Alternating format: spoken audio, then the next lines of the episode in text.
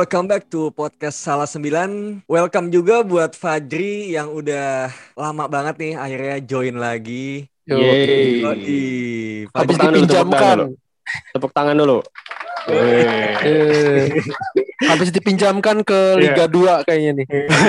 Di lawan, lawan, lawannya diputus. diputus. Kita butuh ternyata, kita butuh, kita butuh Kita lagi. butuh. habis habis jadi petani. Sehat bro, sehat. Alhamdulillah membaik, tapi masih Alhamdulillah. tetap ada simptom-simptom yang menjengkelkan. Mm-mm. Precaution ya, precaution. Precaution, precaution. Fatigue, fatigue itu tuh Pati gue.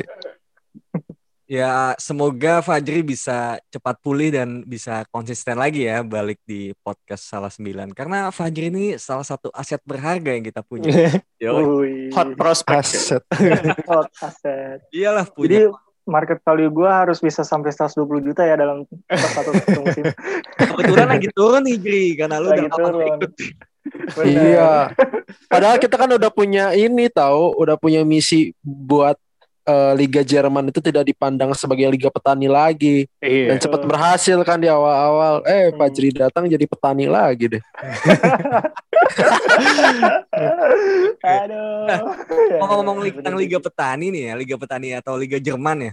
Itu kalau kita lihat nih Borussia Dortmund lagi agak menurun nih kayaknya di akhir-akhir ini. Kayak kemarin kalah lawan siapa? ya? Freiburg ya kalau nggak salah 2-0 atau 2-1. Hmm, hmm. Itu kenapa 2-1. nih? Kayak, kayaknya sejak sejak si siapa pelatihnya dipecat bukannya trennya meningkat malah apa ya lebih keturun gak sih? Iya, kalau yang gue lihat sih, ah, ini gue sudah lama tidak podcast, jadi sudah lama juga tidak mengeluarkan kekesalan gue gitu. oh ada ada fungsinya podcast Ada sebagai stress platformnya relief ya. Really good for mental health. Si apa namanya? Kalau yang gue lihat ya Dortmund itu menurut gue kesalahannya adalah tidak eh, tidak memplanning gitu dengan baik ketika mereka mecat pelatih yang sebelumnya yaitu si Lucien Favre. Jadi setelah dipecat pelatih sebelumnya, mereka berharap eh, si asisten pelatihnya Edin Terzic bisa eh, bagus mirip-mirip sama Hansi Flick. Hmm. Padahal kan kenyataan tidak selalu sesuai dengan Bayern ya. Betul. Maksudnya Bayern itu menurut gue special case yang mana nggak tahu kenapa tiba-tiba jadi aja padahal sebenarnya menurut gue nggak well plan banget juga gitu. Nah di Dortmund ini berharapnya Edin Terzic ini bisa karena Edin Terzic ini bisa memberi mengaplikasikan filosofi apa ya high pressing, eh, good gegen pressing macam romantis. Jadi Dortmund ini board of directornya itu masih romantisasi zaman Klopp sebenarnya menurut gue ya, menurut gue pribadi. Mereka masih tetap pengen ada brand of attacking football yang high pressing, high counter pressing juga gitu, direct vertical play. Hmm. Nah, tapi si Dortmund yang di bawah Lucien Favre itu suka kendor pressingnya gitu. Jadi pressingnya cuma di awal-awal, habis itu mereka langsung defensif. Nah, apa kecenderungan untuk defensif ini yang bikin si Dortmund ini jadi makin apa eh, rentan untuk ngasih kesempatan bagi lawannya buat get back into the game, ngerti nggak?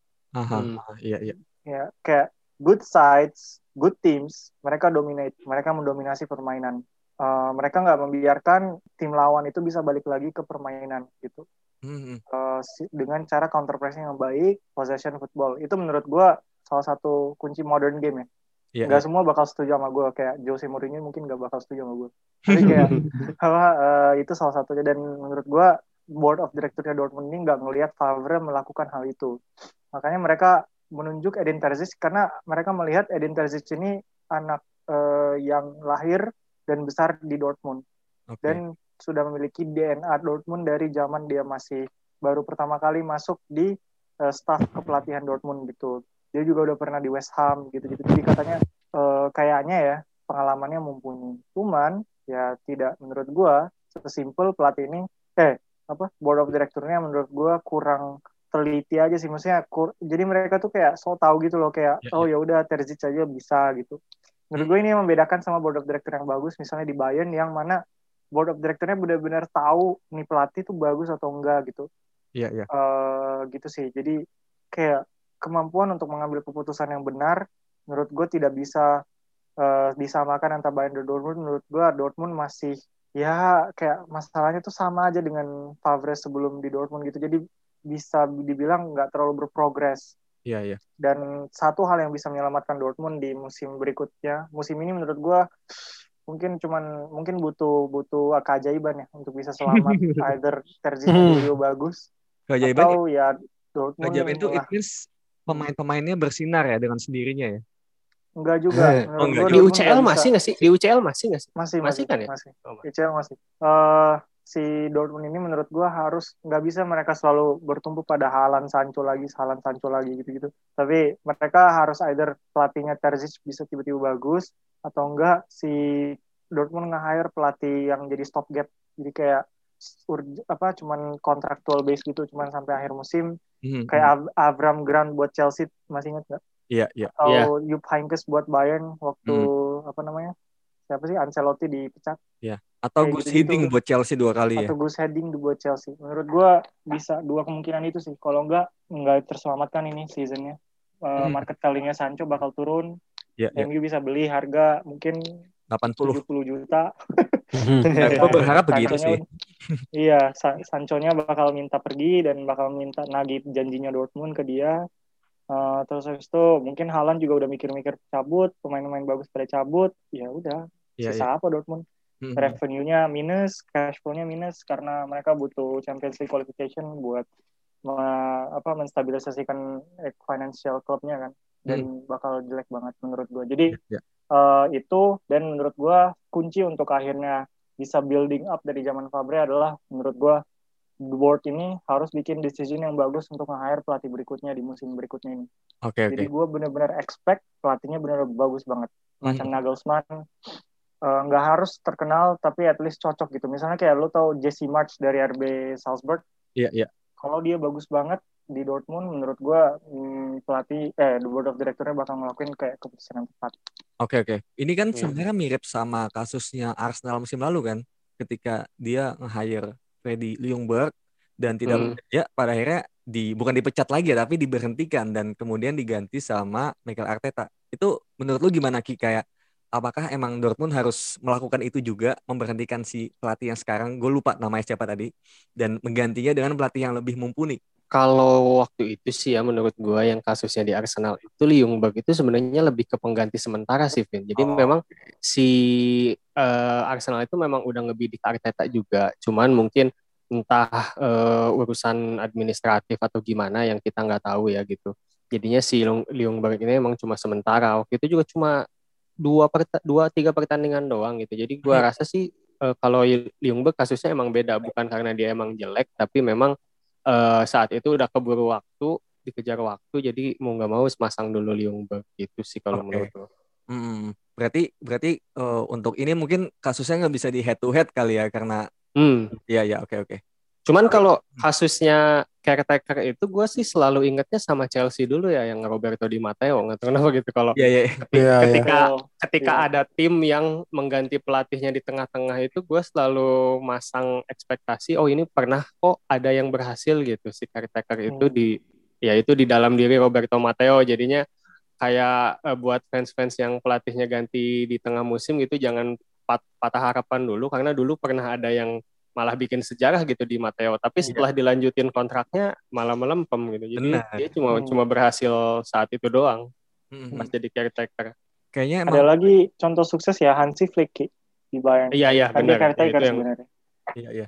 Tapi emang awet iya rare case banget ya kayak itu mungkin cuma dua dan yang kita tahu ya dua dari sekian banyak caretaker yang sukses kayak misalnya kita ingat-ingat pelatih-pelatih lainnya kayak Ole juga pada akhirnya setelah Iya. dibayar permanen juga agak melempem ya awal-awalnya Hmm. gitu. awalnya ya Hmm. awalnya Iya Sekarang gitu. eh, Ya, ya gitu deh MU. Jadi Oke, eh Reki ngomong tentang Arsenal nih, kita langsung jumping aja ke ke Premier League. Iya. kita review nih kita review nih Iya, kita kita mau mencoba membedah kenapa kemarin tuh sebenarnya Arsenal tuh kalau gue lihat tuh nggak main jelek sih sebenarnya ya. Hmm. Tapi Hmm. tiba-tiba di menit-menit awal ada salah paham ya antara Cedric dan juga Gabriel. Tiba-tiba Oli Watkins cetak gol mudah. Itu gimana bisa? Tapi Arsenal juga nggak bisa golin. Kenapa ya? Iya. Jadi uh, paling gue gua singgung sedikitnya sama yang pertandingan sebelumnya ya yang yang lawan Wolves gitu. Jadi uh, Arsenal ini seharusnya di dua pertandingan ini tuh menjadi pertandingan yang sangat penting untuk mereka dapatkan enam poin gitu.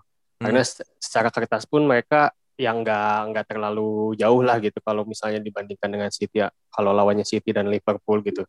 Cuman menurut gue sih di sini mental dari tim asuhan Arteta ini kena lagi gini semenjak dia yang memang kalah kemarin lawan Wolves gitu. Jadi lepas hmm. lawan Wolves ini Arsenal memang main bagus banget. Bahkan baru 20 detik pun udah uh, Saka udah one on one dengan kiper cuman sayangnya tiang gitu. Lalu kemudian Pepe berhasil mencetak gol. Setelah sebelumnya juga ada peluang juga. Jadinya waktu gua nonton di lawan Wolves di babak satu itu kayak cuma tinggal nunggu gol gitu loh. Udah pede menang gitu. Cuman ya ada insiden di mana yang David Luiz di kartu merah karena ya menurut gua tidak ada kontak gitu. Ya, ya. walaupun di video mungkin uh, bisa diperdebatkan ya itu masuknya uh, ada kontak atau memang dia iseng uh, karena last man standing dan sebagainya. Hmm. Cuman yang menurut gue yang tidak adilnya itu adalah red cardnya itu sih yang yang kurang pas gitu. Ya, ya. Disusul dengan uh, misjudge-nya Leno yang keluar sarang untuk uh, mengamankan bola mungkin niatnya tapi ternyata bola itu tidak dalam keadaan bahaya atau tidak dalam keadaan mengancam dan jadinya blunder dan kartu merah. Di situ mentalnya kena. Dan lawan Aston Villa ini uh, diekspektasikan Arsenal ini bangkit gitu. Jadi udah ada pressure ya, untuk ya. semuanya gitu, untuk bangkit, untuk bangkit, untuk balas dan sebagainya gitu kan.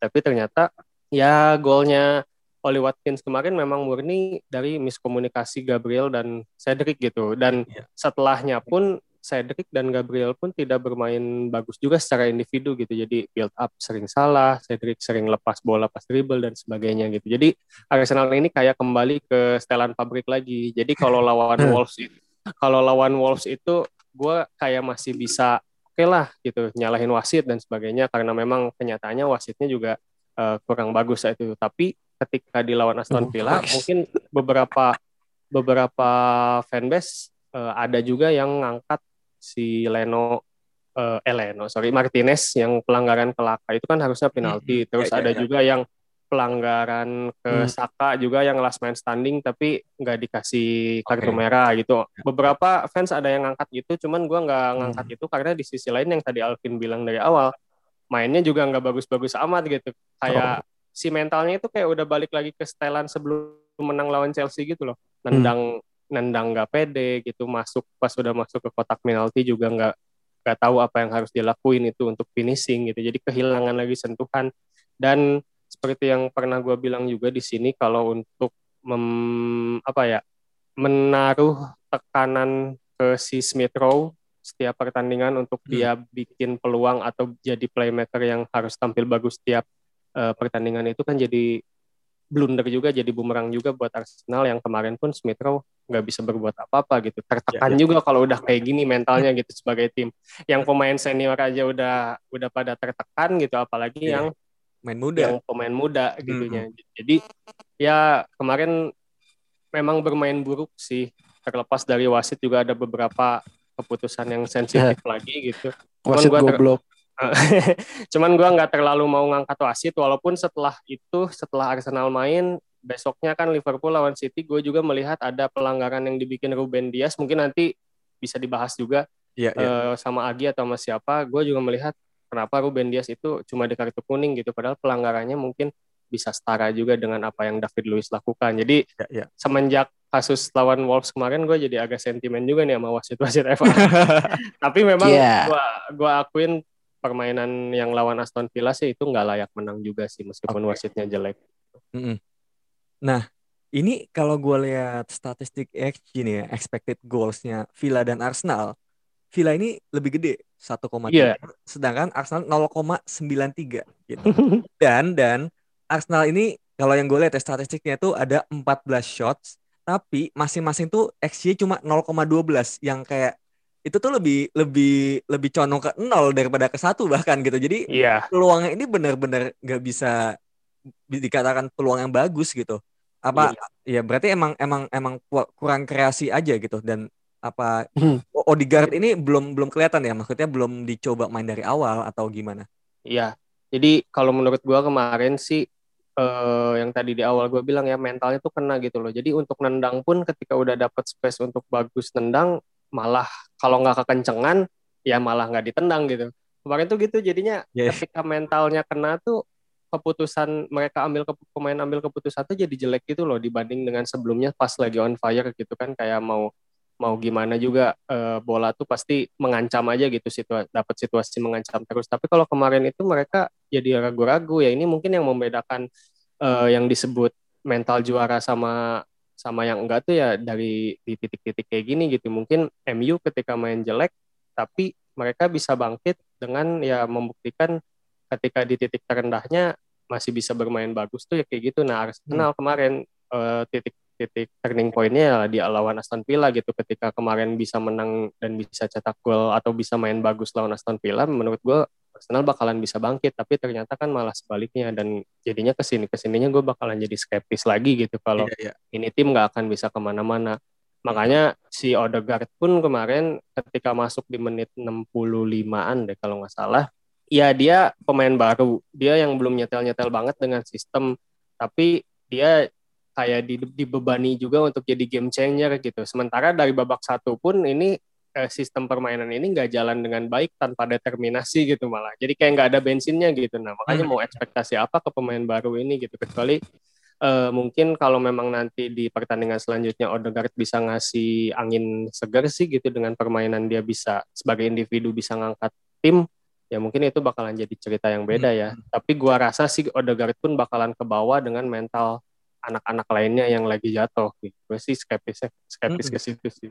Hmm, berarti ya Arsenal sesimpel butuh kemenangan sih ya kayak Iya. butuh kemenangan untuk em, ngebus mental-mental pemainnya dan juga kayaknya lo ini tim apa nih Arteta stay atau Arteta out sebenarnya Stay sih gua. Gua ya eh, against banget dengan eh, yang nyebut out tanpa ini ya, tanpa apa ya, sekedar nyebut out doang gitu gara-gara ngelihat kalah doang. Nah, soalnya Arteta ini menurut gua di tahun pertamanya ngelatih full ini dia tuh masih ngeberesin eh, dalam tanda kutip sampah-sampah yang eh, beberapa musim sebelumnya manajemen lakukan gitu, baik itu sampah dalam perekrutan, dalam penggajian dan Hmm, dan segala hal-hal yang non teknis dan teknis lainnya gitu. Makanya masih ngasih waktu gitu. Kecuali nanti di musim kedua dan ketiga tuh baru kita bisa bilang stay atau out secara bijak. Tapi kalau sekarang gara-gara kalah nyebut out mah menurut gue terlalu dini sih oke Lag- Lagian lu ngapain nanya eh, apa pelatih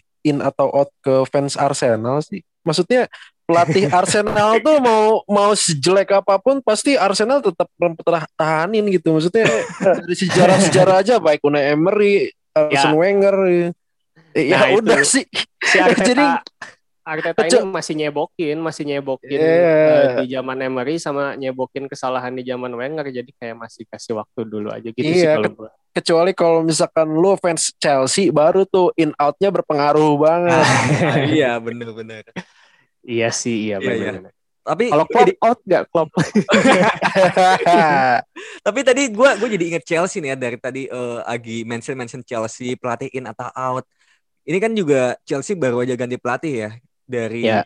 Frank Lampard ke Tuchel di beberapa minggu lalu gitu. Nah, gue mau nanya sama siapa nih? Eh, Agi kali ya. Lu merhatiin Chelsea nggak sih beberapa minggu ini? Merhatiin. Gimana? Lu lu melihat ada perubahan gitu nggak dari permainan Chelsea? Sejujurnya sama aja sih. Sama Cuman aja. iya sih ya sama Lampard sama eh, Thomas Tuchel menurut gua nggak ada bedanya nggak begitu beda terlalu signifikan tuh nggak ada. Oke. Maksudnya Arsen eh, apa sih em, Werner sampai sekarang ya tetap aja gitu. Masih tetap berjuang gitu. Nggak ada nggak ada yang perubahan ketika katanya kan Thomas Tuchel itu bisa memberikan semangat bagi bagi para pemain-pemain Jerman. Maksudnya mana buktinya gitu? Nggak ada. Havertz Sama juga aja. main ya. iya. Iya. Jadi ini kalau gue lihat dari tiga pertandingan ini ya Chelsea ini masih eh Tuchel ini yang bukan Chelsea masih apa raba-raba eh, line up-nya gitu loh. Masih rotasi Hmm. juga.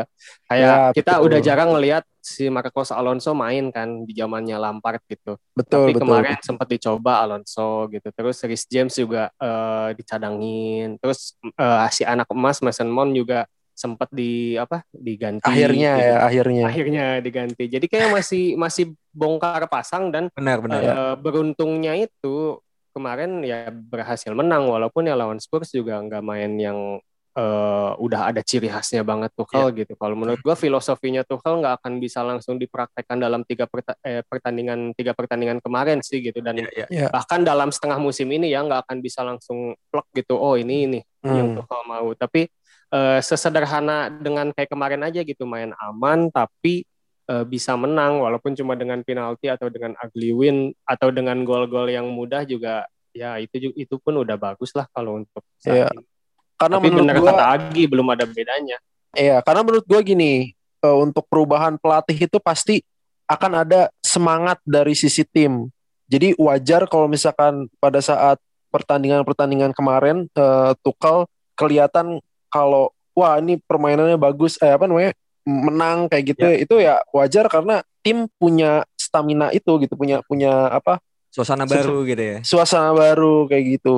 Cuman di samping itu semua ya kita lihat statistik lah gitu, maksudnya nggak nggak begitu berbanding jauh. Tapi bener kata Reki, gue juga eh, cukup kalau misalkan dilihat antara Lampard sama Tuchel gitu ya kita ba- bandingkan di sini Tuchel eh, lebih fluid dalam mengatur eh, formasi atau tidak stagnan atas eh, yang menurut gua gitu-gitu aja gitu. Ya, ya. Mm-mm. Oke. Nah, gue mau nanya nih sama Fajri yang mungkin timnya nih Dortmund pernah nih dilatih sama Thomas Tuchel eh, pada Iya. beberapa musim pada saat itu. Menurut lu Tuchel ini bisa membawa perubahan yang instan gak sih? Atau mungkin at least permainan yang berciri gitu kayak tadi yang dibilang sama Reki dan Agi pada akhirnya di Chelsea musim ini. kalau kalau kemarin di Dortmund itu dia punya waktu eh, ini ya apa namanya pas is- istirahat dan liburan. Jadi kan dia masuk sebelum musim pertama musim mulai. Jadi Hmm. dia ada waktu tuh buat pelatihan bareng sama timnya. Jadi pas musim mulai langsung kerasa sih sebenarnya.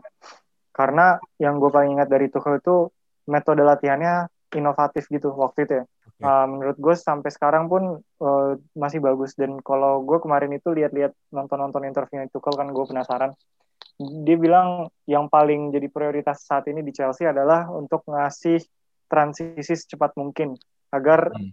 Uh, pemain-pemainnya bisa ngikutin filosofinya menurut gue hal yang gue bisa lihat berubah sih kalau dari Lampard punya permainan sama Tuchel menurut gue di possession sih ya nggak sih kalau Iya, gue pe- pe- permainan possessionnya Chelsea jauh lebih bagus menurut gue. Iya. Eh, jadi kayak olah bola dan sebagainya dan balik lagi Tuchel kan orangnya ambis dan results based juga Iya. dan dia juga selain dia mirip Guardiola sih menurut gue. Dia Hmm. itu mirip banget Pep. Eh, detail oriented banget, sangat sangat eh, apa ya pokoknya strict, disiplin tapi juga ngembangin pemain muda. Christian Pulisic itu lahir karena Tuchel tau di zamannya. Hmm, oke. Usman Dembele Tuchel juga. Iya, iya. Mkhitaryan dulu sebelum ada Tuchel Mkhitaryan ini dia apa eh selalu uh, blunder-blunder mulu pokoknya karena dia mainnya kayak kurang percaya diri pas ada Tuchel Tuchel ngasih buku eh, pokoknya disuruh baca lah si buku itu kayak cerita tentang atlet tenis gitu Hmm. terus tiba-tiba bagus Hmm. Terus tiba-tiba Mkhitaryan, Mkhitaryan dilatih sama uh, Jose Mourinho langsung drop lagi. langsung drop lagi gara-gara digituin Hmm. nah itu Jadi, jadi pemain tek jadi pemain tenis jadi sekarang. ya gitu sih jadi menurut gue Tuchel ini gue yakin banget sih minimal satu lah trofi yang dia bawa Hmm. buat Chelsea Oke, nah iya. pertanyaannya adalah apakah dia bakal bertahan lama? Nah, ya biasanya eh, pertama Tuchel itu punya masalah dengan bot. Kenapa? Karena dia selalu ngotot banget orangnya. Kedua dia komunikasinya kurang. Jadi dia tuh bukan komunikasi kurang ke pemain tapi ke board gitu loh. Jadi nggak tahu kenapa ya waktu zaman Dortmund itu Dortmund sengaja meskipun Tuchel tuh baru pertama ya pertama eh, tiga pemain kuncinya itu Hummels, Gundogan sama Mkhitaryan itu harus pindah Eh, terus habis itu eh, alhasil Tuchel minta di, dibeliin pemain-pemain muda macam Usman Dembele, Rafael Hmm. Guerrero gitu-gitu masuk segala macam ada enam orang dan eh, jadi kompensasinya ada. Nah tapi tetap aja kalau misalnya lu ada restrukturisasi dari lini utama pasti butuh waktu dong karena pemain kunci lu tiga orang cabut. Iya. pasti lu butuh waktu buat dan dia masih tetap bisa juara tiga di Bundesliga dan menjuarai DFB Pokal Piala Hmm. Jerman gitu yang menurut gue itu achievement banget tapi meskipun kayak gitu cuman kayak berselang berapa hari sejak dia menangin Piala Jerman dipecat Hmm, oke. Padahal itu kayak mirip di Matteo kasusnya. Nah, tapi ini Hmm. kasusnya bukan karena si pemilik klubnya strict banget atau jahat banget, tapi karena pemilik klubnya bilang dia nggak seneng sama gaya komunikasinya Tuchel, menurut gue. Oh, subjektif ya. Iya, nah itu hal yang sama terjadi di PSG. Tuchel itu punya masalah sama Leonardo. Kalau sama Nasser Khelaifi, eh, Sheikh yang punya PSG itu, jadi sebenarnya nggak ada masalah karena Nasser ini yang mau Tuchel ngelatih PSG in the first place kan di awal. Mm-mm. Tapi la- masalahnya sama Leonardo, yang mana Leonardo juga figur penting gitu loh di PSG. Iya. Iya. Jadi kayak ya udah dan Nasir juga nggak ngelihat kayak oh ya udah Tuchel berhasil membawa kita ke final Piala Liga Champions tapi dia nggak berhasil membuat kita menang. Dan gue mungkin butuh orang baru buat ngedatangin di Liga Champions ke PSG. Jadi ya gue nggak apa-apa lah, gue nggak depak dulu karena gue udah lihat dia dua tahun kayak gimana gitu. Hmm, Itu sih menurut gue Nasir di sini kayak dia lebih slow gitu. Kalau Leonardo nih yang gebet, udah gue nggak terima nih orang kayak gitu. Eh, gitu sih. Jadi eh, menurut gue di gaya komunikasi dan bagaimana dia tuh kayak so stubborn banget. Nah ini kenapa menarik? Karena Abramovich juga kayak gitu orang. Iya, iya. Iya, Ya, iya itu. Abramovich juga orangnya sangat sangat keras kepala dan dingin gitu loh. Uh, dan sangat results based. Jadi menurut gua kunci Tuchel sukses itu bukan di gimana dia komunikasinya bagus sama Abramovich. Trofi. Kenapa? Karena menurut gua pun kalau misalnya dia komunikasi bagus tapi dia nggak ngedatangin trofi, Hmm, nggak bakal bisa dia Oke. bertahan. berarti Sama trofi. ya. I mean, Super Frank aja legenda klub digituin aja. apalagi apalagi seorang Tuchel yang bukan siapa-siapa buat Chelsea. Jadi menurut gua selama dia bisa ngedatengin trofi, meskipun komunikasinya jelek, dia bakal bisa bertahan. Tapi bagi gua dua tahun itu udah maksimal sih. Iya. Paling Dia lama juga- ya. Dia juga kontrak nggak panjang kan ya, cuma satu setengah atau dua setengah tahun gitu. Satu setengah ya. Satu setengah Oh, ya. wajar. Nggak mau Gila ya. Mau spekulatif lagi nih Abramovich. Gila Roman memang. Stres Tapi punya gua kayak gitu. kalau lu lu punya lu ngambil perspektif Abramovich, eh, cara lu tuh berhasil. Iya. Karena kalau lu lihat secara statistik jumlah trofi yang dimenangin Chelsea selama Abramovich ganti-ganti pelatih mulu itu tuh selalu bagus gitu loh kayak Iya. tiap dua Iya. tahun menang lagi. Iya, iya, tiap dua valid, valid. menang lagi gitu. Iya, Karena dan- apa? Karena memang bener efek efek pelatih baru datang itu bisa tiba-tiba bikin bagus meskipun gak long term. Jadi solusinya Abramovich yang sangat tidak humanis ya ganti pelatih terus aja biar Iya, iya, trofinya terus berdatangan gitu. Karena karena orang Rusia juga kali ya. Jadi kayak ininya Mungkin. jiwanya keras gitu. Eh, Iya, iya. Gak ngaruh juga sih, gak ngaruh. Politik boras langsung politik. Oh, Bawa politik. Eh, mungkin maksudnya bener eh, valid banget apa yang dikatakan sama eh, si Fajri ini di mana kalau misalkan kita lihat sejarahnya si pelatih-pelatih yang tadi ditanya sama Alvin sukses diganti di tengah-tengah ya kebanyakan ya pe- pelatih Chelsea gitu. Artinya Roman Abramovich menjadi kartu ace ketika semuanya atau Chelsea lagi terpuruk gitu. Mm-mm. Iya, tadi Tapi benar ya juga sih yang yang dibilang Fajri bahwa sejak Abramovich mengambil alih di tahun 2004 kalau nggak salah itu Chelsea menjadi tim tersukses dari segi trofi ya dibanding tim Liga Inggris lainnya gitu loh. Jadi Iya. kayak emang Abramovich ini benar tadi result based yang penting trofi tapi memang benar tadi nggak humanis gitu dan tapi dari segi Hmm. finansial itu juga bermasalah nggak sih jadi kayak lu kan kontrak pelatih biasanya kayak empat tahun lima tahun tapi baru dua tahun lu pecat gitu kan. It means kompensasi juga cukup besar kan gitu. Tapi mungkin juga ya as long as lu punya duit ya pada akhirnya terserah lu juga gitu guys. Itu dia. Menurut gue kalau gue pernah lihat sih videonya Tivo tentang yang ngebahas tentang Abramovich. Kalau nggak salah memang ada hubungan kuat gitu antara Abramovich dengan politik dan posisinya di Chelsea juga kayak gitu. Hmm. tapi kalau nggak salah dia nggak ada masalah sih sejauh ini ya Eh, jadi menurut gue nggak bakal nggak bakal ada masalah sejauh ini. Hmm, paling iya. karena karena Chelsea itu kayak mainannya gitu loh. Kayak dia kalau nggak salah ya dia kayak dia mau dia melampiaskan gitu loh. Kayak apa namanya eh, hal yang dia suka. Kayak ibaratnya kalau lo udah terlalu kaya lo butuh kayak mainan. Hmm, mainannya klub ya dia. Mainan di klub. Dia pengen lihat Chelsea tuh sukses gitu. Dan itu bagus tapi ya itu caranya enggak jadi mungkin Iya. kalau lo, lo jadi fans Chelsea ya lo selama Abramovich masih di situ ya lo siap-siap aja maksudnya bakal ada heartbreak terus gitu loh. Iya. bakal ada selalu Nah, klub yang selalu di periode transisi. Nah nggak itu nggak dia. pernah nggak. Selalu berubah selalu berubah lo siap-siap aja. Ya ya itu udah itu konsekuensi lo jadi fans Chelsea. Itu jadi, jadi ini sebenarnya balik lagi ke fans sih. Menurut gua yang yang sekarang kontra dengan Abramovich itu adalah fans-fans yang mendambakan cerita-cerita romantis di timnya gitu. Katakanlah fans Chelsea yang emang pengen wah legend ngelatih dikasih waktu dikasih proses Ini kayak siapa, Zidane Ki? misalnya Ngomongin fans yang mana nih? fans Chelsea maksudnya Fans jadi kan Chelsea. ada dua kubu gitu yang Iya, iya. yang tadi Fajri bilang gitu seharusnya memang sekarang lebih ke kayak ya udah gitu udah tahu Rob- Roman mah begitu orangnya gitu Mhm. cuman menurut gua di kubu yang lainnya yang oposisinya Roman gitu eh, ekspektasinya adalah mempunyai kisah yang romantis gitu ya dalam tanda Oke. kutip gitu emang Wenger kali ya.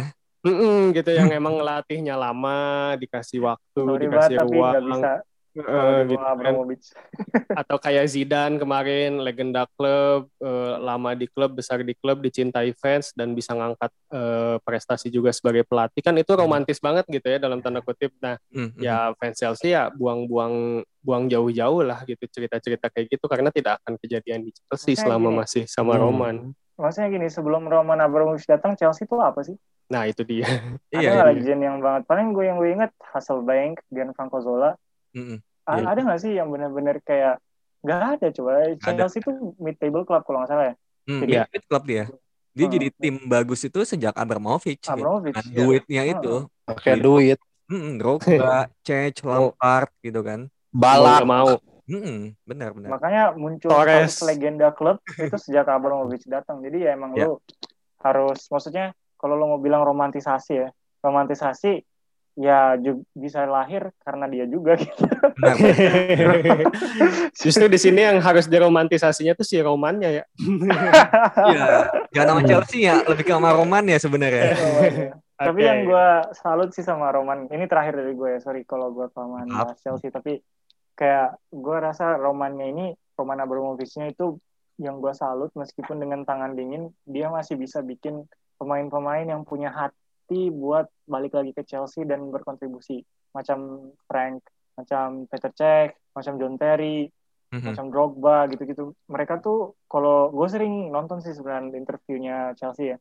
Karena Chelsea itu salah satu tim Inggris pertama yang gue tonton. Gue dulu tuh dibeliin kaset Chelsea 2005-2006 Oke. sama 2004-2005. Yang Juara ya, juara pertama kali Juara kan. back, back to back. uh. Mhm. Itu gue nonton semua per- pertandingan yang macam yang dulu ada Damien Duff, Aaron Ya. Robben, kan, terus Hmm. Drogba, dan Crespo. Itu apa pemain-pemain saat itu dan terus-terusnya mereka kayak bisa ngelahirin legend yang mana mentalitinya tuh for the club gitu loh. Padahal ini tuh eh, yang running klubnya tuh tangan besi gitu loh. Yang macam ibaratnya kayak kalau lo bayangin PSG jadiin Neymar sebagai legend yang mana menurut gua agak nggak make sense sekarang. Mbappe juga kalau mau bilang legend juga enggak gitu karena kita udah pasti tahu kayak Mbappe pasti pindah lah. Iya, Jadi iya. kayak Mhm. for the club gitu loh mentalitinya untuk untuk klub yang mana gue lihat itu di bawah Sir Alex di bawah M- MU di MU dan di beberapa klub lain tapi kayak Chelsea bisa kayak gitu dengan tangan dinginnya Abramovich menurut gue itu juga prestasi Iya, iya. kayak gitu sih itu bagi gue gue terkesima aja ngeliat. Mm-mm. jadi ya buat fans Chelsea kayak ya ya maksudnya begitulah hidup gitu ada manisnya Iya. ada pahitnya juga lo harus Benar, terima dua-duanya Oke. Oke, ngomongin Terimain manis, aja. ya, ngomongin manis dan pahit hidup nih, kayaknya ada yang lagi pahit banget nih ya semalam nih. ada Oh, ya, udah tahu nih gua nih. Udah tahu nih gua. nih. Iya, ada fans yang sempat seneng gitu ketika ada penalti yang melambung ke lawan lain gitu, tapi tiba-tiba gitu, tiba-tiba ya kebalik gitu kan. Itu gua- Itu gua sampai japri loh, Vin di apa di P- eh, WhatsApp gitu gua ngomong haha Gundogan Oh, ngomongin Gundogan, iya. iya. Iya. Eh, situ kan maksudnya kan? Bukan, tadi mau ke MU tadinya. Oh, kayak gitu. Ya, tapi oke oke karena karena Reki udah mention Gundogan dan match Liverpool lawan City, gue mau nanya sama Agi nih, gimana Agi dibobol 4 gol di Anfield nih untuk pertama kalinya ya sejak udah lama ya kayaknya.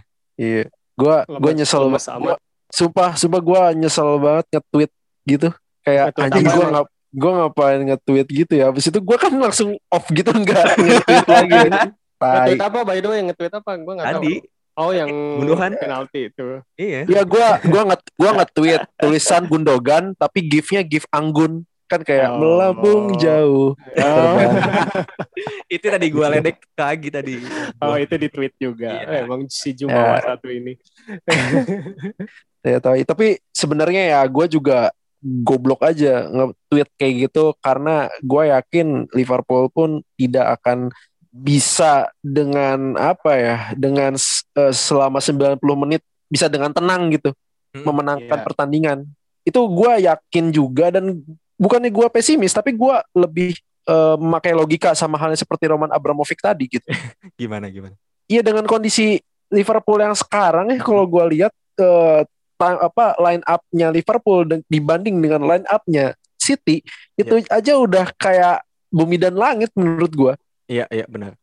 Jeleknya back gini. ya? Nah ini baru mau gue bahas. Yang gue bingung banget banget ini adalah kenapa Klopp dia udah beli dengan sengaja defense eh, defender Iya. dengan eh, dua pemain tapi tetap gelandang dijadikan sebagai back itu maksudnya apa gitu Hmm. dia nggak belajar apa dari eh, West Bromwich Albion sama Burnley yang itu udah jelas-jelas kesalahan utamanya itu ada di lini belakang bukannya gua nyalahin eh, Jordan Henderson sama Fabinho ya tapi sebenarnya ya dia bukan di situ tempatnya gitu.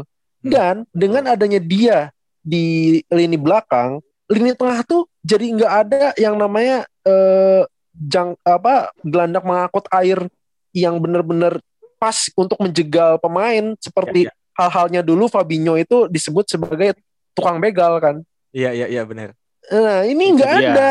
Iya, Kurang balance jadinya di tengah ya.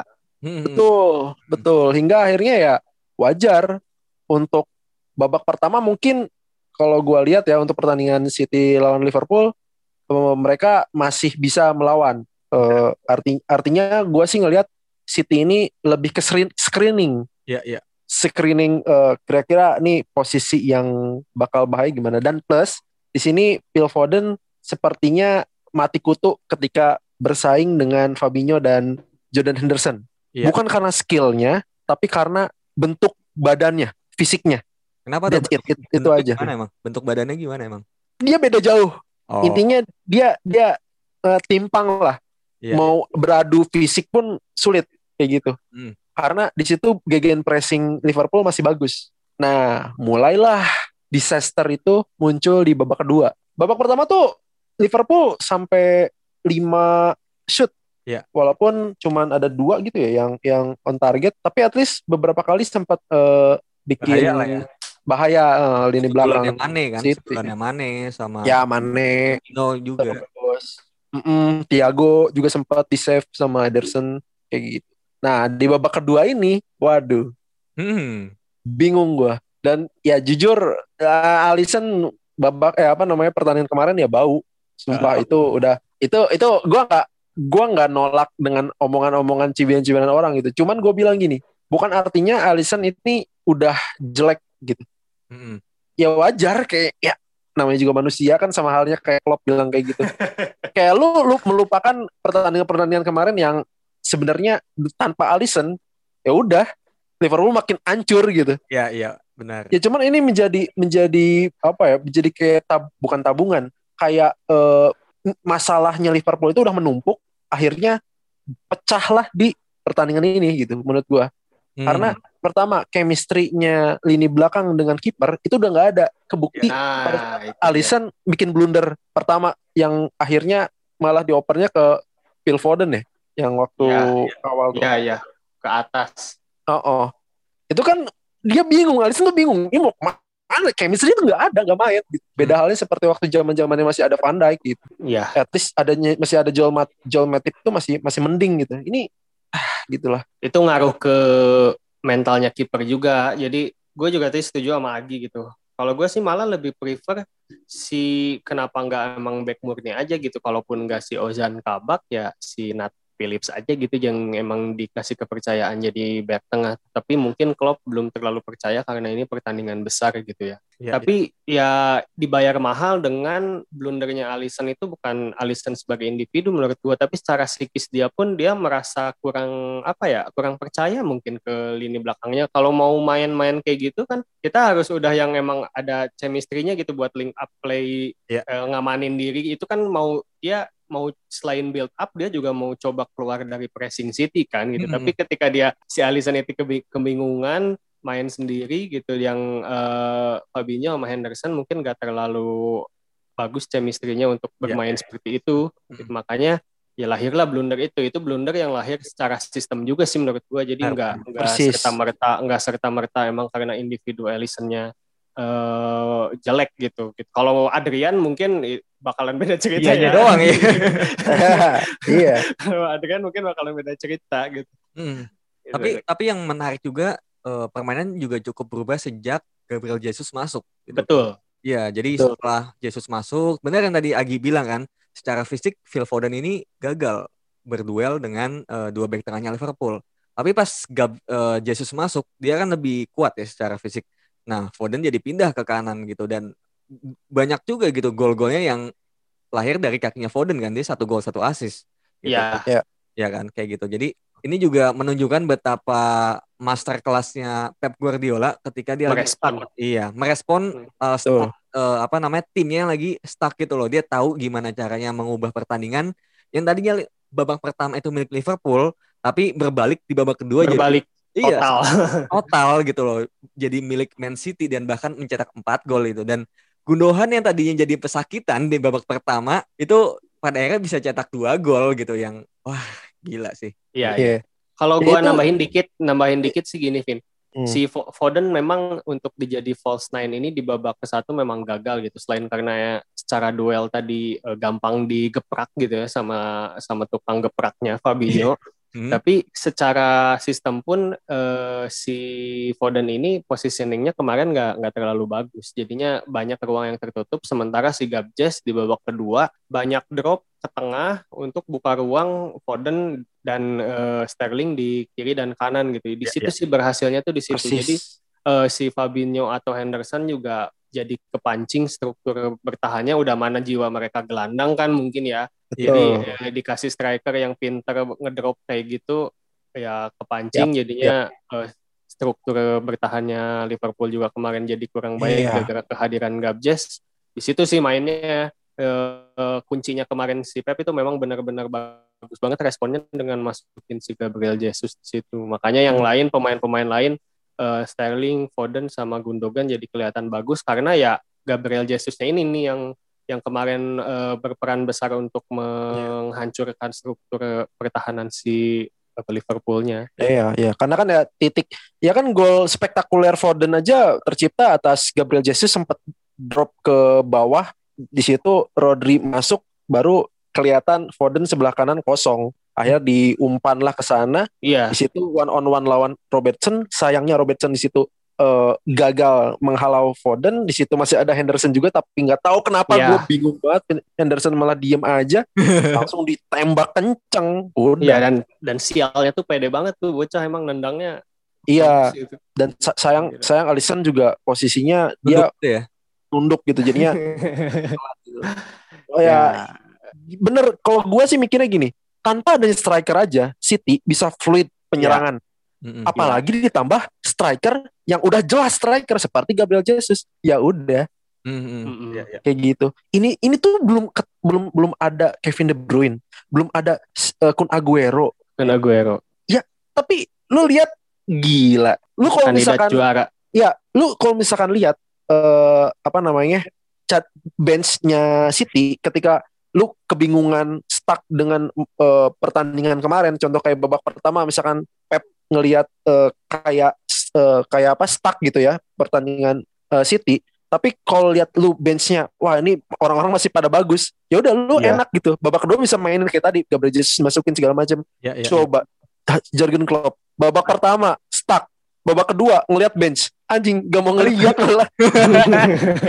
Suram suram. Ya Allah Los Kalau boleh minta satu, minta Bernardo Silva aja gitu ya, pindah dulu. ya, Biar tapi banyak nggak pilihan. mungkin. Ya. Eh, Iya. Eh, gini, eh, tadi karena Agi ngebahas tentang bench nih ya, bench Liverpool yang mungkin Klopp sampai nggak mau ngeliat gitu ke benchnya. Kemarin tuh sempat gue lihat ada perdebatan di Twitter antara ya pelatih kesayangan kita ya, Coach Justin dia juga banyak Udah gua Apa? duga.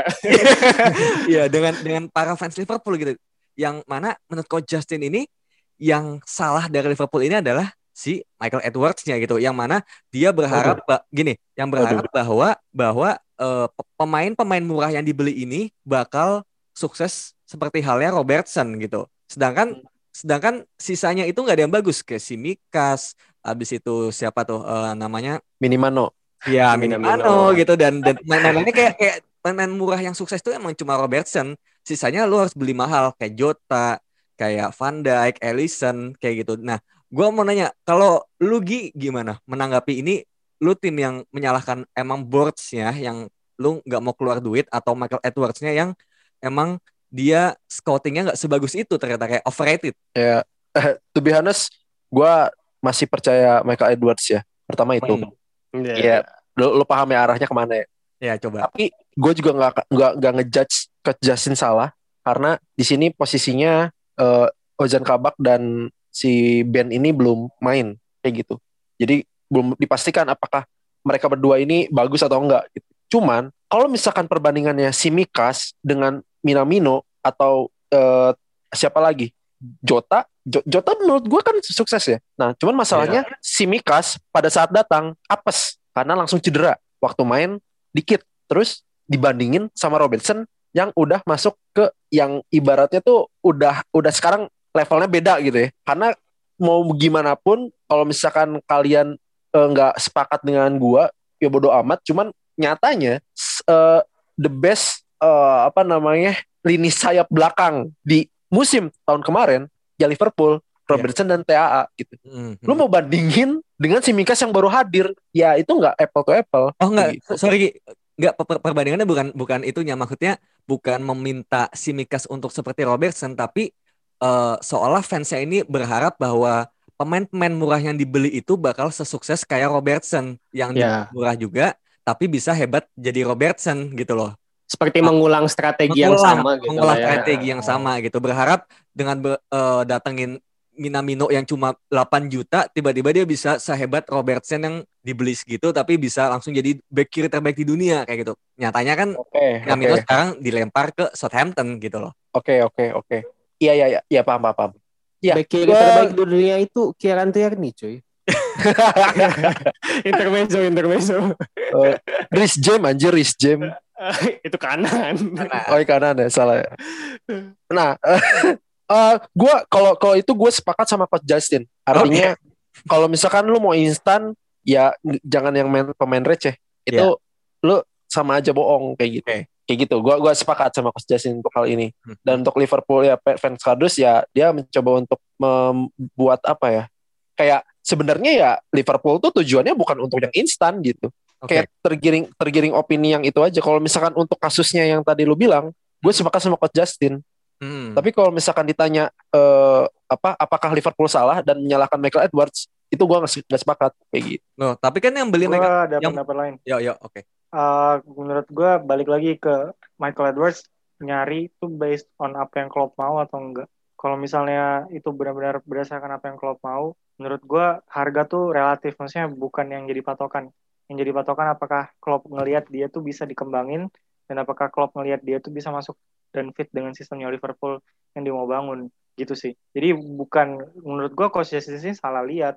Lu nggak lihat, lu jangan lihat dari harga. Amin gini, Van Dijk itu harganya bisa tinggi karena Southampton emang ya siapa sih Pak Van Dijk dari mana sih? Iya, Southampton. Southampton ya. Iya betul. Southampton. Southampton, Southampton emang nge apa namanya nge tinggi tinggiin harganya. Alisson juga sama. Harga tuh relatif. Yang penting tuh apakah dia fit dan value-nya emang bener. Klopp tuh nggak peduli sebenarnya. Nih orang mau dihargain 80 juta kayak mau 7 juta kayak yang penting gue harus dapat orang ini mau nggak mau. Tugasnya Michael Edwards bantuin Klopp buat dapetin orang ini. Menurut gue caranya lihatnya tuh kayak gitu dari dari apakah ini bener-bener yang mereka cari atau enggak gitu sih. Oke. Percis. Mm-mm. Nah, kalau benar yang dibilang Fajar kayak gitu, nah sekarang yang gue tanya ke Agi, kenapa yang pemain-pemain lainnya ini nggak ada yang sukses si Robertson ini gitu. Gue bingungnya gini, tahapan sukses menurut lu tuh kayak gimana gitu? Karena gini, Minamino kalau kata orang nggak sukses, menurut gue sukses. Karena apa? Southampton aja baru debut udah ngegolin dia. Oke. Sama kayak kayak Hazel Lingard kan, Lingard juga ngegolin. Itu Lingard tuh lord gitu, maksudnya keren. Cuman oleh aja yang nggak becus gitu melatihnya. Hmm.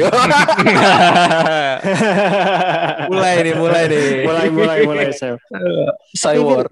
kalau menurut gue gini ya dulu dulu tuh kemunculannya Robertson dan TAA ini makanya kenapa bisa apa bisa bagus gitu karena dulu juga TAA kan nggak di plan untuk jadi back utama kan kalau nggak salah ya ini ya kalau nggak salah ingat ya koreksi aja kalau salah dulu tuh kan back kanan Liverpool itu waktu awal-awal bukan bukan TAA kan Gi? Klein, si Nathaniel itu. Nathan Klein, Klein. Nathan Klein. Tapi kemudian cedera dan sebagainya lah gitu. Gue nggak tahu persisnya tapi kemudian TAA ya berhasil menggantikan dengan baik dan jadinya gusur gitu. Begitupun juga dengan Robertson di kiri pun juga dulu kalau nggak salah tuh bukan Robertson juga. Siapa Gi? jadinya in- insidental insidental gitu aja sih menurut gua gitu. Kalau misalnya yang di kasus ini kan kayaknya si Mikas ini emang udah dipupuk harapan akan menjadi pemain yang eh, seperti Robertson gitu. Sementara kesempatannya pun nggak ada gitu di musim ini ya. Robertson udah jelas jadi starting line up utama gitu. TAA juga kalau nggak nggak nggak cedera kan pasti jadi starting line utama gitu. Makanya susah juga nih buat mereka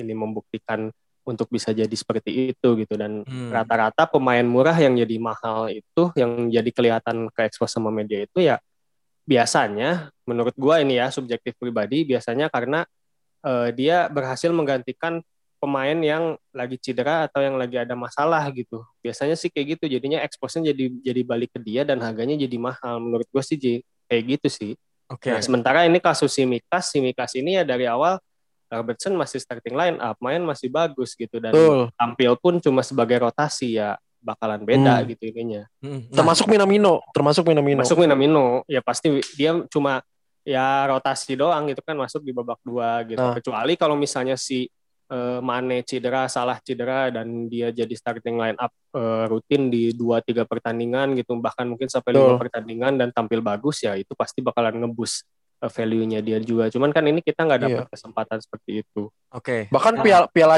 piala Ciki pun yang mainin kan salah eh, apa Firmansyah kan Hmm. Minamino pun tidak dikasih peluang gitu. Makanya kalau misalkan gitu buat buat Iya. lepas dari Firmansyah itu gitu. lu kalau misalkan mau nargetin eh, pemain bapuk ya ke Divock Origi aja nggak usah ke Minamino. Gitu.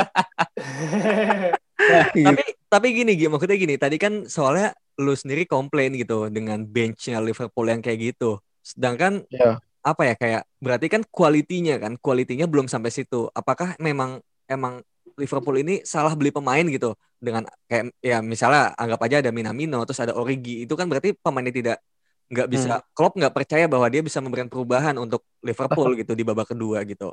Enggak, gi- gini, lu lu lihat benchnya aja yang sekarang gitu. Itu kan dilapisinnya bukan bukan pemain-pemain yang si Klopp beli gitu. Yang Klopp beli kan paling kayak Be- Be- Ben Davis, terus Ozan Kabak gitu. Sisanya Ya. kayak pemain-pemain akademi, cuy. Yang sisanya ke, eh, ke mana? Yang yang dia apa si si Klopp beli? Kayak si misalkan Jota, Jota kan cedera kayak gitu. Hmm. Terus eh, pemain-pemain intinya kayak eh, Virgil van Dijk, Joel Matip, eh, Joe Gomez kan tuh cedera semua gitu. Jadi ya gua sebut suram tuh ya wajar gitu karena pas dilihat tuh pemain akademi semua lu kayak bahkan ya oke gua gua gua nggak mau nggak mau terlalu mendewakan Klopp juga gue juga mengakui ada kesalahan pembelian Klopp salah satunya pembelian kiper yaitu Adrian cuman segera di backup dengan eh, Colin Kelleher dijadikan eh, pengganti gitu akhirnya kan terbukti juga kan Iya iya iya. Vin, Vin, Vin. Sorry tadi gua baru ingat yang back kiri sebelum Robertson itu Alberto Moreno. Ma- Moreno Iya. Moreno Iya iya iya. Oke oke. Moreno. Berarti untuk kalau buat Agi sendiri nih ke depannya Liverpool ini supaya tidak terjadi lagi nih hal-hal kayak misalnya sekarang cedera panjang, kemudian benchnya tidak bisa menggantikan, ini apakah harus beli pemain-pemain yang langsung tune in kayak macam Diego Jota gitu? Eh, berarti Hmm. ini udah nggak optimis juara apa gimana nih? Gua gua nggak gua nggak optimis juara. Gua yang penting empat besar. Turun ya. Enggak, gua lu kalau misalkan dengar apa ini apa itu pod- Apaan tuh? podcast podcast awal podcast awal mula eh, pada saat prediksi-prediksi Liga Inggris, gue nggak nyebut nomor satu Liverpool kok. Iya. Gue gue ya? iya City sama Chelsea, cuman Chelsea-nya malah bapuk. Bapuk. Hmm. Jadinya sama MU. iya, Ada sih yang prediksi MU peringkat 6 tapi peringkat 2 sekarang. kan masih berjalan ya, masih Oh, iya, berjalan. iya. Kemarin kan sempat kalah tuh kan. Oh, Ya iya. Kalau gue intinya gini, back ya back, gelandang ya gelandang, penyerang ya penyerang gitu. Udah. Oh, iya iya benar-benar. Taruh Ozan aja Kabak, sesuai posisinya gitu. Iya, kalau misalkan disebut Ozan Kabak terlalu dini dimainkan karena baru dibeli, ya elah. Ya itulah tujuannya buat dibeli dong gitu. Iya. Karena Iya. kan lagi lagi eh, darurat nih kondisinya. Hmm. Lu masih tetap aja gelandang dimainin kayak gitu. Iya iya. Iya benar-benar. Setuju setuju sih. Jangka pendeknya itu aja memainkan pemain di posisi aslinya gitu. Benar-benar. Karena cukup fatal juga sih, terutama Henderson yang dia bagusnya di gelandang dan bisa progresi bola ke depan malah di belakang gitu. Jadi Betul. nggak cuma belakangnya kropos tapi depannya nggak bisa ke depan pada akhirnya bolanya. gitu. Nah, itu. domino, jat- jatuhnya. Iya, betul. Baik lagi, di Klopp udah punya sistem tapi sistemnya salah cun gitu. Oke, oke, oke, oke. Tapi buat Liga pertanyaan terakhir nih, untuk Liga Champions sendiri kira-kira sampai mana nih perjalanan Lawan apa sih di babak ini? RB Leipzig Leipzig? lawan RB Leipzig. Waduh, Waduh. wassalam. Enggak, bisa lah lawan RB, RB Leipzig bisa lah. MU aja bisa Bisa. 5-0 kan? Oh iya. Gimana? Bisa, bisa. Bisa sampai Ya bisa ya gue sih pengennya menang ya. Mm. Final. Ya iyalah. Cuman kalau kondisi kayak sekarang sih hmm, habis Leipzig lah. Habis itu gua berdoa aja. Tunggu keajaiban. sampai perempat final ya. iya. Bulan ini ya, bulan ini ya. Bulan ini, bulan ini Liga Champion. Oke, jadi dari Agi ada nggak nih unek-unek tentang Liverpool yang sudah tiga kali kandang, tiga kali pertandingan kalah di kandang? Perasaan dari tadi unek-unek semua. Udah ya? Tahu deh tadi udah ada lagi, anjir. takut ada lagi. Anfield sudah tidak angker lagi. Udah Enggak Gua ada magisnya. gua gua udah mengalami masa suram lebih daripada ini gitu. Di mana Oke. Jay Sport, Jay Spearing menjadi jalan buntu, Jonjo Selfie jadi jalan buntu apa? selfie. Iya, jadi jadi jalan jalan keluar dari kebuntuan tuh kayak udah aneh banget gitu. Jadi Iya, gua iya. udah mengalami hal tersebut. Jadi sekarang tuh masih oke lah, wajar Kirinya- lah gitu. Kirinya Bola itu bundar. ya kan? Kirinya Cisoko. Iya. Kiri El Cisoko aneh-aneh banget anjing. Iya. Depannya Andy Carroll. Depannya di Carroll, tengahnya oh ka- kanannya Stewart Downing. Ya, anjing. Yang paling aneh mah eh, depan Benteke dan Balotelli itu udah Nah. paling aneh. Ah, Oke, berarti berarti sekarang tinggal fansnya aja ya kayak menurunkan standar kayak ya ini nggak seberapa lah gitu kayak main Iya. jelek aja masih bisa empat besar Iya. gitu kan. Tapi kalau misalkan eh, menurut gua fans-fans yang emang dari dulu ngikutin sih udah dewasa. Nggak kalau yang kalau yang sekarang kayak kesel-kesel sama Liverpool itu paling band apa fans-fans baru yang kemarin Wah, UCL. iya. ini fans, fans veteran ini banget ya udah udah bisa Bijak. mengkategorikan Wah, gitu. iya, iya. iya, gua udah punya lisensi soalnya. Oke oke oke kalau gitu. Iya ya. Ya semoga kayak kalau gue sebagai fans MU berharapnya Liverpool terus terpuruk ya biar nggak juara ya tapi tapi kayak demi demi apa ya kesuksesan FPL kita dan juga keseruan Liga Inggris kayak kita berharap Liverpool kembali menanjak Sial. ya. Iya biar memang. Iya biar City ini ada pesaingnya lah. Kalau MU kayaknya ah gitulah. Nggak bisa diharapin Iya. juga. Ya ya itu City itu penting buat kasih eh, pressure ke City Iya, juga benar, jangan benar, keenakan. Iya jadi ya Ya, kita lihat ya. Berharap Mm-mm. berharap Leicester lah, berharap Leicester. Nah, iya Leicester. Taunya West Ham Iya, David Moyes anjir. Jesse Lingard ya, Jesse Lingard. Lucu kali ya Lingard juara sama Moyes. Amin Iya. Amin. Ya kita kita mungkin bisa melihat Liverpool untuk ke depannya. Kebetulan dia tersingkir di FA Cup, jadi ada sedikit tidak waktu untuk istirahat untuk kembali bermain di weekend ya. Gue lupa lawan siapa lagi ya. Em, lawan apa ya? Gue lupa lagi. Ya oke lah. Semoga berarti berarti semoga di situ back menjadi back dan juga gelandang jadi gelandang ya. Kita lihat coba Iya. omongan Agi ini Ozan Kabak atau Davis bakal main di back atau enggak gitu kan. Iya. tatap mata Oza Tak mana oh. Oke, kalau gitu, kalau udah nggak ada lagi, Thank you buat teman-teman yang udah mengeluarkan unek-uneknya, terutama ini kayak kita unek-unek semua ya tadi Reki Arsenal Unek-unek semua. kalah, Haji Dortmund kalah, ini Liverpool kalah gitu kan. Ya gua, Edisi unek-unek. yoi, tim gue gak kalah jadi gue nggak usah lah ya. gitu. Jadi thank you buat teman-teman yang udah dengerin unek-unek kita Yo. dan sampai Yo. jumpa di episode selanjutnya. Dadah.